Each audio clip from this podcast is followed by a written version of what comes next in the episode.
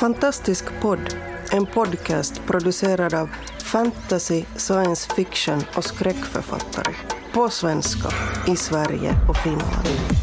Vi snackar skriva, böcker, våndor och vändor i våra och andras världar.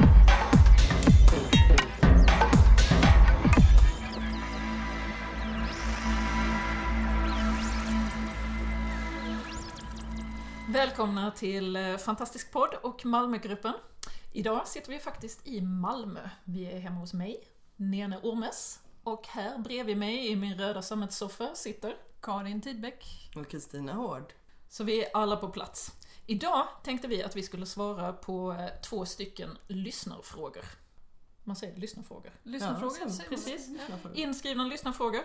Och eh, ifall någon annan har sådana att komma med så finns vi att hitta både på Facebook och på poddens eh, blogg. Den eh, första lyssnarfrågan kommer från Ska vi börja med den? Ja, det tycker jag. Eh, ja, vi börjar med en liten fråga från Hannibal. Som skriver så här. Hallå fantastiska poddare! Hej Hannibal! Eh, jag har ett ämnesförslag att bjuda på. Innerlighet. Jag läste nyligen Skrivas intervju med Jan Guillou och slogs av att han blir så tagen av det han skriver medan han skriver det att han börjar gråta ibland och skratta ibland men mer sällan det senare. Själv skrockar jag gott när jag lyckas hit, eh, lösa ett knivigt problem med berättelse eller får till en särskilt snygg formulering. Men jag kan inte tänka mig att jag någonsin skulle börja gråta av något som jag skrivit. Det är ju bara hittepå. Eh, och så avslutar Hannibal här med frågan Så hur innerligt skriver ni själva? Är ni kallt kalkylerande mardrömsproducenter eller tvingas ni till pauser i arbetet medan era hjärtan blöder ihjäl? Tack för frågan Hannibal. Eh, ja, Alltså jag, jag har inte läst så mycket Jan Guillou. Men jag har läst Arn och jag grät inte en enda gång. Om det var, jag menar, så jag vet inte vad Jan Guillou gråter. nej jag tänker att en del av det måste ju ha att göra med vad man själv blir rörd av. Ja, det måste ju vara. Men han blir rörd av sig själv.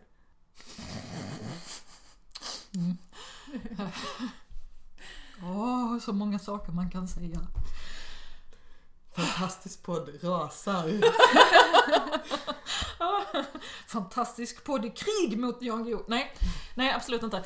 Eh, jag har aldrig gråtit över någonting jag själv har skrivit. Jag har vid ett par tillfällen eh, blivit lite sådär, ni vet varm i ansiktet när det hettar i bihålorna precis innan man blir eh, tårögd. Mosig. Ja, jag har känt mig lite mosig. Jag har nog känt mig lite känslosam. Mm. Det har jag.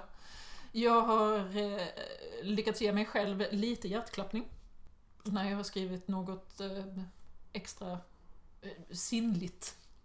Kan vi väl säga. Sinnligt. Ja, ja, Ja. och så lämnar vi det där. Men eh, mm, nej, aldrig egentligen så mycket mer än det. Jag har ju fått höra att jag har skrivit saker som folk blir rädda av och som de tycker är obehagligt. Alltså det är ju Ja. väldigt fantastiskt när man får höra av någon som har läst och man skrivit att de har gråtit. Ja, jösses. Det har jag varit med om. Det är nog det bästa. Det är en som sa att hon hade, och det är faktiskt nu i snösommar hon har läst den och hon hade supit tunnelbanan och tårarna hade strömmat. Det tycker jag är jättehäftigt. Och kunna få någon att fulgråta. Alltså det är ju, det är ju Jag vet inte drömmen. om hon, hon kanske grät. Fint och elegant. Du vet faktiskt inte Karin. Nej men fulgråta är nog, det är min heliga graal tror jag. Mm. Ja, men jag skulle nog vilja att någon inte kan somna för att de ligger och tänker på vad jag har skrivit. Det händer ju att jag inte kan somna för att jag ligger och tänker på vad jag har skrivit, men det är inte riktigt samma sak. här. Mhm. Alltså jag, jag kan skriva saker och ting så kan jag gå och mysa med formuleringarna väldigt länge. Så här liksom, även när man gör annat så kan man mysa åt sina formuleringar för att man känner att oh, de landar så bra och så. Men jag tror inte jag har gråtit. Jag har gråtit kan jag säga. Eh, en gång gjorde jag det. Eh, och det var när jag skrev de sista raderna på eh, romanen som jag fortfarande håller på med. Eh, när jag skrev sista raderna i det första utkastet så bröt jag bara ihop för att det var så fint och sorgligt eh, och jag var tvungen att ta adjö av mina romanpersoner som jag hade gått och verkt med under så lång tid. Eh, då kunde jag inte hålla tillbaka fulgråten. Karin håller med Jan Guillou. Tidningsrubriker. Eh, ja. Jag ser väl lite grann fram emot att utmana mig själv med det här, tänker jag. Mm. Och Eh, gråta. När man skriver någonting som, som drabbar mig också. Alltså jag försöker ju, jag gör ju aktivt försök att bli drabbad av det jag skriver för jag tänker mig att det går igenom sidan och ut andra, andra eh, änden till läsaren. Samtidigt som jag har läst en studie där det visade sig att Det är ingen skillnad. ingen skillnad, läsaren kan inte avgöra författarens sinnestillstånd när de skrev den. Nej. Nej. Nej, det är ju det som är ett hantverk. Mm. Och inte bara en performance. Skräms då? Har vi lyckats skrämma oss själva? Ja. Ah, Du är bra på det här Karin. Nej men jag skrämde mig själv, en, en gång skrämde jag mig själv på riktigt och det var när jag skrev Amatka. Så är det en passage där som, som utspelar sig i eh, några tunnlar under själva Amatka. Eh, och där nere så är det någon eh, som huserar. Och när jag skulle visualisera det så försökte jag visualisera det läskigaste jag vet. Det, och det är någonting som ser mänskligt ut men som inte riktigt är det. Så när jag var tvungen att stanna kvar i den bilden eh, under så pass lång tid som det tog för mig att skriva den scenen, så efteråt så var jag helt slut och jätterädd. Ja, det där är ju min största mardröm också och den scenen är verkligen väldigt otäck. Jag Mm. kan knappt föreställa mig hur det måste ha varit att skriva. Särskilt som det tar ju så vansinnigt lång tid att skriva i förhållande till att läsa. Jag skulle säga att det är lite så på hur man skriver det. För att om man då ska skriva allt i ett streck. Eller för jag är sån så att jag kan nog inte det utan jag skriver en bit och sen så får jag liksom lägga på, alltså på lökskalen liksom. Istället för att ta bort dem så lägger jag på för att liksom bygga upp stämningen och då hinner man inte, eller jag hinner inte bli rädd för det tar alldeles för lång tid eh, för att du ska komma igenom det. Och där går saker eh, tid emellan och så Ja, också. ja, ja, ja, ja. Det är inte så att jag gör det allt på samma gång utan det, det går ju liksom, jag gör annat i livet. Några av de eh, scener som jag är mest stolt över och som jag själv tycker har den här liksom tinglig känslan av, eh, av något eh, känslomässigt bakom har jag skrivit i ett svep. Under ja, flow, inspiration, slash whatever. Och de har jag inte redigerat särskilt mycket efteråt. Ingen har bett mig redigera dem särskilt mycket efteråt heller.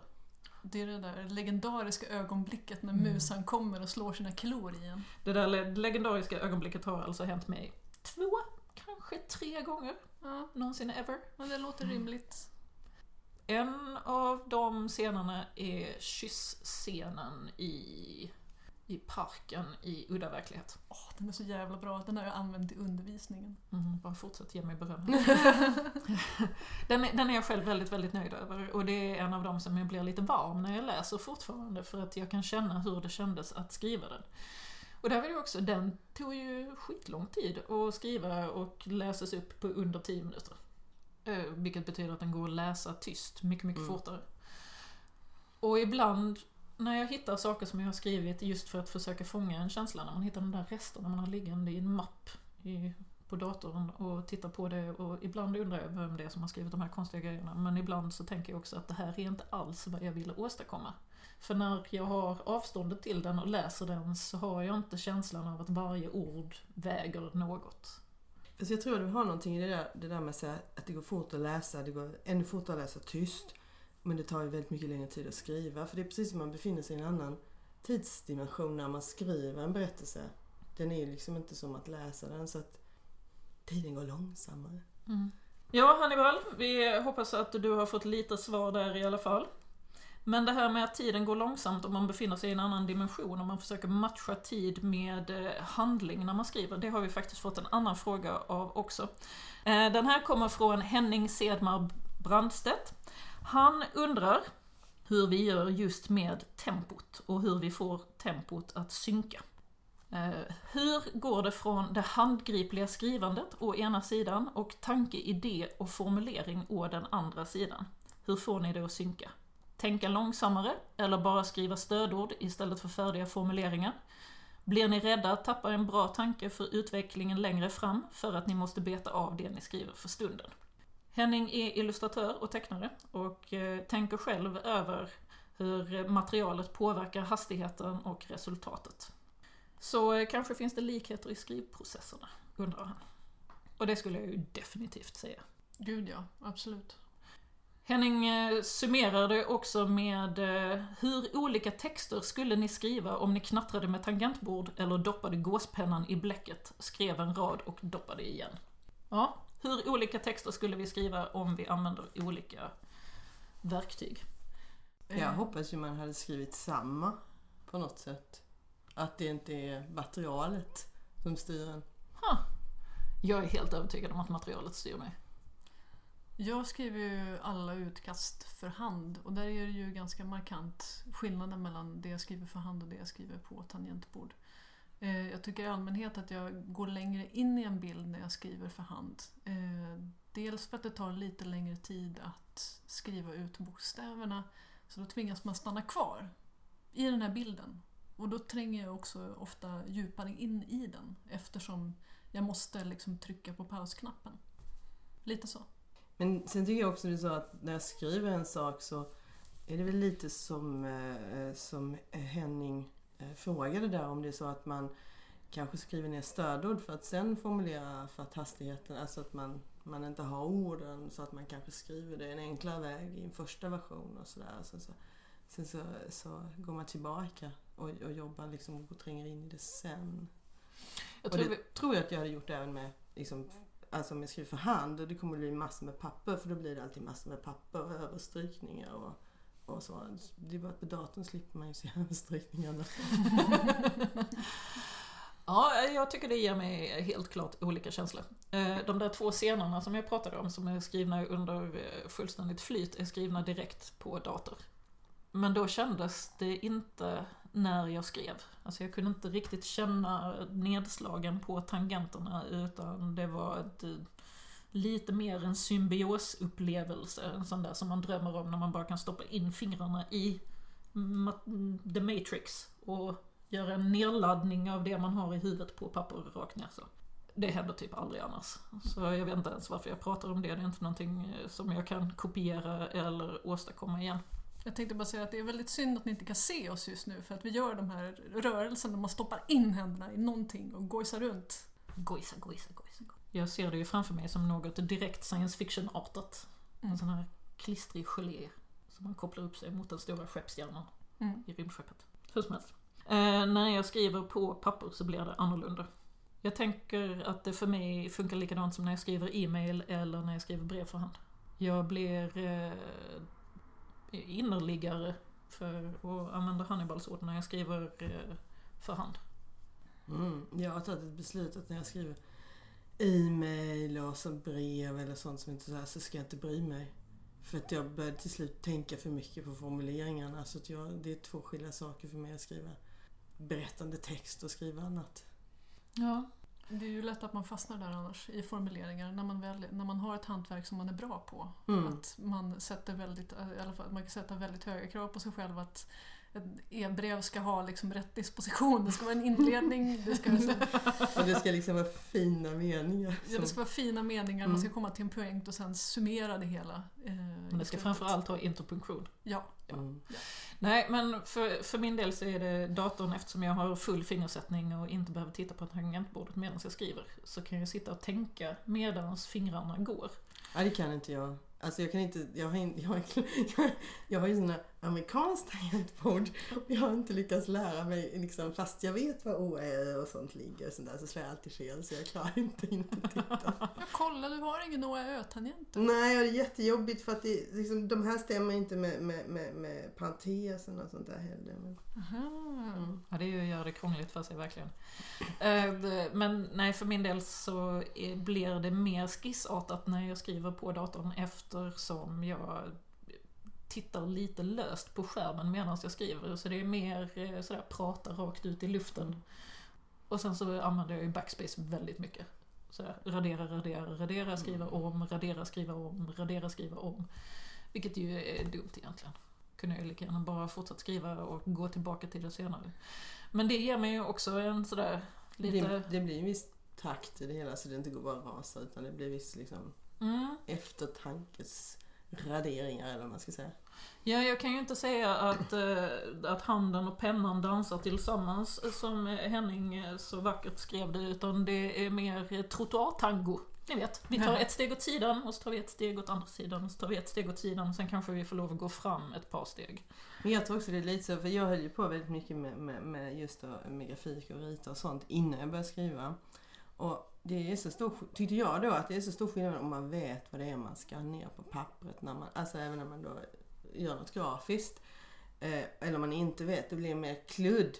För mig blev det mer kludd om jag inte hade liksom känslan innan vad jag ville och visste. Och jag tror att det är lite samma med att skriva text. Om jag inte riktigt har någon sorts förtanke, någon sorts eh, liksom riktning och vilken känsla jag vill ha in i det så blir det rätt mycket kludd av texten också. Så att eh, jag sätter mig aldrig framför datorn om jag inte vet. För jag kan inte sitta och stirra på en blank sida och pop så blir det text. För det funkar inte. Då blir det bara blankt. Sida. Jag Ja. kluddar som satan, alltså, för hand i alla fall. Att allting, eh, allting som jag skriver kommer ur liksom, enorma mängder eh, automatskrift. Så jag gör tvärtom, tror jag. Jag tror att om jag, eh, om jag tänker för mycket på vad jag ska skriva så fastnar jag och så får jag prestationsångest. Men någon gång i processen måste du tänka på vad det är du Ja, vill skriva. Alltså, precis. Men jag måste komma igång. Mm. Är det mellan handskriften och eh, renskrivningen som du tänker mest? Ja, där händer det. Det är Jag där du hittar vad du med. har liksom fått ner. Men lite så kan det vara. För att om jag känner att jag bara, alltså jag måste få historien vidare men eh, man hamnar då i det läget att man bara skriver och får ner det liksom för att få ner det. Och inte för att få det formulerat. Sen så när jag går tillbaka i det då hittar jag, då kan jag i det liksom, den snabbskrivningen hitta vad det är jag på något sätt ändå fick ner även om det inte står där och så kan jag formulera om det. Men jag skriver inte sån här eh, bara direkt kludd. Mm. Men jag kan liksom kludda när jag inte vet. Eller jag kan göra det, jag kan skriva på bara för att få det att gå framåt. Ja, men det, det är också rimligt. Vad gör, hur gör du det? Ja, den som ändå mindes. Det är så sjukt länge sedan jag skrev något vettigt. I mean, eh, det är en kombination av att ta anteckningar för att planera berättelsens framfart och att skriva direkt på sidan. Men jag tycker att det har kostat mer än det smakat. På, eh, på slutet av Särskild var det extra jobbigt och så, alltså under tiden som jag skrivit på tredje delen så har det varit likadant att jag har skrivit samma scen hur många gånger som helst för att försöka få den rätt. Just eftersom jag gör det här bakvända att jag skriver medan jag tänker och inte tänker först. Så var jag på en eh, workshop i USA eh, och där eh, var en av övningarna att vi skulle ta 10 minuter med ett anteckningsblock och skriva en scen på de 10 minuterna för hand. Och då skulle vi inte skriva alla det fanns inga tvång på hela meningar eller alla detaljer eller någonting annat sånt utan att vi skulle skissa en scen för hand. Och sen skulle vi direkt efter skriva samma scen på datorn. Och det var otroligt effektivt. Men jag har inte kunnat liksom replikera den känslan jag hade av att få en bra scen av den skissen. Jag tror en del av det var tidspress, en del av det var att vi befann oss i den här bubblan av sju dagars enbart skrivande och prata om skrivande. Och, och sen så kommer det ju hela den där biten med hur man mår vid tillfället och hur det påverkar vad man skriver. Nu med eh, min, eh, min sjukskrivning för utmattning och eh, dumheterna med att det har satt sig på skrivandet så kan jag inte skriva på ett tangentbord alls. Den där kopplingen, det där köra ner fingrarna och bara befinna sig i, i material går inte. Det finns inte, jag får helt... Jag kan inte läsa vad som står på skärmen, det är otroligt obehagligt. Däremot så kan jag skriva på anteckningspapper. Så jag har tagit upp det lite grann istället och skriver för hand i en anteckningsbok. Det blir inte vackra meningar, det blir inte hela meningar, eh, de hänger inte ihop. För Nej, det reder jag inte ut ännu men jag kan faktiskt skriva. jag tror att det kan vara läkande faktiskt att skriva på hand. Det är, det är på något sätt mer ursprungligt.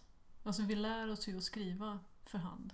Eh, Eller vi lärde oss. Vår generation. Vår generation. Alltså vår generation lärde oss först att skriva för hand och jag tror att det kan vara läkande att gå tillbaka och forma varje bokstav för sig. Och så är det ju det där som Henning frågade om tempot och texten. Och med mitt nuvarande tillstånd så Menar är jag då- väldigt långsam i huvudet. Men menar han tempot i texten eller tempot när, Tem- skrivande tempot? Liksom vilket tempo. Jag tror att vi kan fortsätta tolka det där, men det han verkade vara ute efter i den första delen av frågan Mm. i alla fall var tempot på tanken i förhållande Mm. till Ja, ja. tempot på Mm. handen. Och eftersom min tanke just nu är som sirap så eh, har jag inget hinder av att min hand också är långsam.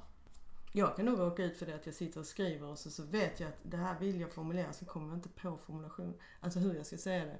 Jag, kommer, jag liksom hittar inte ord. Det är som orden liksom får för sig gömma sig. Fast den var där nyss och så bara försvinner de och så sitter jag där med texten. Så då är det liksom som tanken inte riktigt hinner med. Så får jag sitta och tänka efter vad det var för ord och sen oftast är det bara sådana rätt liksom vanliga ord. Men det, det kan komma när jag skriver att hopps, vad, vad, vad heter det? Vad, vad är det ordet? Och så, så fanns det där nyss och sen så Då brukar jag skriva. XXX. Så söker jag alltid på XXX i mina dokument. Ja, det gör inte jag. Jag sitter ju där och tänker tills jag kommer på det. Jag gör brackets, XXX, någonting som ungefär det här. Återkom senare. Klick. Mm, men det gör jag också. Jag gör det, när det är precis någonting som jag inte kommer på. Sätt, sätt in smart replik här. Liksom. Precis. Mm. Sätt in engagerande stridsscen här. Snark. Snark. Ja. Håna någon här. Precis. Men eh, det där med eh, tempot i texten och tempot i materialet. Det tror jag ju definitivt påverkar också. Jag har aldrig kunnat skriva en actionscen för hand. Åh, vilken bra, vilken bra, vilken bra. Nu, blir jag, nu måste jag ju tänka efter.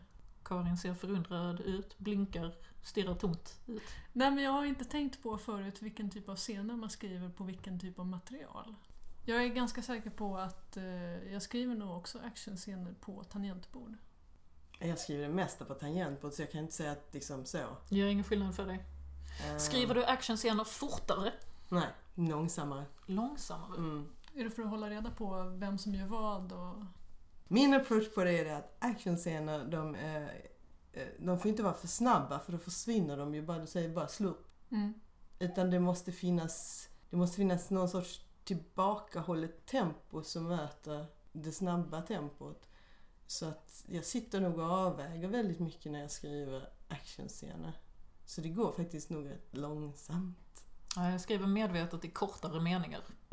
Ja fast det är ju inte samma sak. Ja, men för det snabbar ju upp tempot liksom rent i läsningen. Ja, och det snabbar upp tempot när man skriver också eftersom man inte sysslar med bisatser och det väga man, ord man kan ju inte bara säga han slog, han slog henne, hon slog tillbaka. Man måste, någonstans måste man fylla ut för att det går för snabbt annars. Mina actionscener är inte riktigt så korta.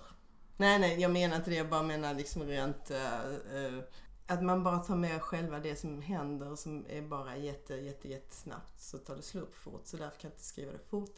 Jag måste skriva det väldigt långsamt. Så att jag bromsar det också så att läsaren hinner uppfatta vad som händer. Kan du använda det i omvänd ordning också? Skriva snabbare för att komma förbi tråkiga scener. Så jag har inga tråkiga scener men... Scener som man vet att man måste skriva men inte känner sig så entusiastisk över. Du Alltså när, när jag hamnar i en sån scen som jag inte är entusiastisk över så hoppar jag över det och skriver inte det då. Ah. Eh, och eh, är det så att jag känner att det här måste skrivas men gud vad tråkigt, hur ska jag lyckas med det för att komma dit? Då gör jag inte det utan då skriver jag istället det som jag vet. Och sen får det liksom, om man, om man har en scen som är bra i början och en då, sen så kommer en scen lite längre bort som är bra och som på något sätt ska man brygga över till den scenen. Då, då skriver jag istället på de här två scenerna och så skriver jag, jag låter dem liksom flyta ut tills de möts. Ja, Så slipper jag sätta mig ner och skriva den där hemska bryggan. Ja, vad fint. det är jättebra. Bracket XXX. Brygga här. Bracket. Nästa. Ja, nej. Det, jag skriver sindliga scener långsamt. Som är då saktar jag medvetet ner fingrarna på tangenterna för att eh, få vara med lite grann. Actionscener skriver jag medvetet snabbt för att få ner det jag ser i huvudet medan jag ser det. Jag putsar naturligtvis efteråt men Ja men det gör jag så kan man ju ta bort saker om det är sådär. Man kan, liksom, man kan Ja, göra rätt mycket efteråt faktiskt. Man får fila. Men jag försöker vara med i känsla så. Eh, Jag har ju en hel del jagande genom stan och, och så. Folk springer en massa. Och de försöker också skriva snabbt. Medans platsbeskrivningar försöker jag ta lite mer tid och sådär. Så man är lite grann som eh, Google Maps Street View. Man snurrar lite långsamt. Gud jag För rätt mig på den. Men jag, jag menar inte det, liksom, alltså, det kan ju gå snabbt i texten för mig, för mig tar det väldigt lång tid att skriva det. Ja, Mm. Just nu så håller jag på med en eh, monolog som kommer vara ganska lång. Alltså det är en novell som berättas som en monolog. Eh, och där har jag insett att jag, jag eh, knattrar väldigt fort på tangentbordet för att personen som pratar är väldigt ivrig och angelägen. Där går det jättefort. Jag får sudda en massa, men när jag väl skriver så går det hur fort som helst. Därför att jag blir, som huvudpersonen, att jag blir väldigt stissig. det är ganska uttröttande att skriva, så jag, hoppas att jag är klar snart. Men när, när ni säger att ni skriver fort på tangentbord, hur fort skriver ni då? Jag har aldrig mätt mig. För att jag har liksom söner som då inte är uppvuxna med lika... De har inte fått lära sig skrivstil till exempel, den generationen. De tyckte inte det var så Mm. viktigt i skolan och så vidare. Men de är ju himla bra på tangentbord. Och de, det rasslar. Jag kan inte det. Alltså det är bara... Låter så. Jag, Gör ni det? Jag rasslar, men jag har också långvarig träning i eh, online-rollspel. Vilket Mm, då Vilket- måste man svara snabbt ja. det ökade på min hastighet ganska dramatiskt. Så. Och jag eh, är tränad för maskinskrivning som det heter i skolan då. På mitt, eh, mitt första val på gymnasiet var ekonomisk linje och där ingick maskinskrivning. Eh, sen övergav jag det efter ett år. Vilken tidsmarkör. Eller hur? Skämta inte. Vi hade stora monster till elektroniska skrivmaskiner och jag fick eh, verk i fingertopparna av att skriva på dem så jag fick låna hem en elektrisk bärbar skrivmaskin för att sitta och öva hemma och göra de här, eh, man sätter upp en bild på tangentbordet framför sig och så sätter man upp ett ark med papper bredvid det där det står eh, ord som man ska skriva och så ska man skriva dem på tid. Var det såna här som Mm. lät kuchunk, kuchunk, kuchunk när man tryckte ner Är tangenterna? inte de elektriska? Ja, fast inte riktigt så långsamt. Nej. Men det var definitivt Mm. ett maskinellt ljud. Mm. Men eh, Jag kanske ska läsa stenografi istället. det har jag alltid velat kunna. Ja, Då skulle jag ju kunna skriva lika fort som jag tänker. Ja, Ja. ja det Eller åtminstone lika fort som jag pratar. Är det nästa projekt vi har kanske? Och sen behöver vi bara någon som kan skrenskriva stenografi åt oss. Ja, det hade varit nice. Eh, en sekreterare likt Barbara Cartland. Då hade jag kunnat ligga utfläkt i min röda sammetsoffa, äta praliner och diktera mina böcker. Det hade aldrig gått. Skulle du ha haft pudlar? Pudlar är en ganska väsentlig del av den här imagen känns det som. Nej, men svanduvstofflor kanske. Ja, ja. Mm. Istället för de här regnbågsfärgade raggsockarna jag har just nu då. De är väldigt fina. Tack så hemskt mycket. Men eh, ja, nej, jag tror inte att jag skulle kunna formulera en hel bok i, eh, i tal heller ändå. Inte prata innan heller. Det kan man ju också Ja. säga, man kan dik- diktera. Men det hade jag tyckt var jättesvårt. Ja, ja, det har inte funkat hittills. Ja, Henning. Vi hoppas verkligen att vi har svarat lite på din fråga om tempo och eh, hantverket. För eh, mig eh, är det avgörande och sitter ihop. För mig så är det ju... Ja, ja jo men det, det är det nog. Fast jag har inte funderat så himla mycket på det. Det var väldigt bra att få de här frågorna idag känner jag. Mm. Och, jag tänkte här nu, eftersom du tog upp praliner. Och så tänkte jag, då kan vi Kristina tar upp avsluta, en låda Kan väska. avsluta det hela med lite praliner. Ah, Och de här Praliner. är från Japan och jag är så grymt. Ja, mm, Nöjd med dem. jag är så nöjd. Vad är det här för någonting? Oh, de ser ut som vita små bollar. Ja, det ser ut som vita små ägg. Nästan. Ja. Åh, fantastiskt. Luktar vanilj. Mm. Åh, det luktar som ett japanskt bageri också. Och det är någonting rosa inuti. Det är en frystorkad jordgubbe i vit choklad. Woho! Åh Kristina, du är bäst! Men denna delikata sak i munnen tackar nu Malmögruppen för sig. Hoppas att ni har fått någon slags insikt i vårt hantverk. Och eh, kom gärna med andra frågor. Jag Tack för det. oss! Hej då. Hej då! Du har lyssnat på Fantastisk podd. Om du trivdes i vårt fantastiska poddsällskap och vill ha mer så hittar du äldre poddar och information om oss som deltar på vår hemsida under fantastiskpodd.se och på vår Facebook-sida Fantastisk podd. Har du frågor eller förslag på vad du tycker att vi ska tala om, hör gärna av dig antingen på Facebook eller via kommentarer på hemsidan. Vi hörs!